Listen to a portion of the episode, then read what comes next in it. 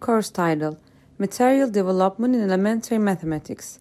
Type of the course Compulsory. The course is offered in the sixth semester. The aim of the course is to facilitate students in choosing, using, developing, and evaluating suitable recourse, material, and educational technologies. The content of the course is as follows The discussions about the concepts and use of educational materials and technologies, selection, development, implementation and evaluation of concrete materials in line with fundamentals of teaching and learning, design and implementation of tasks, use of materials.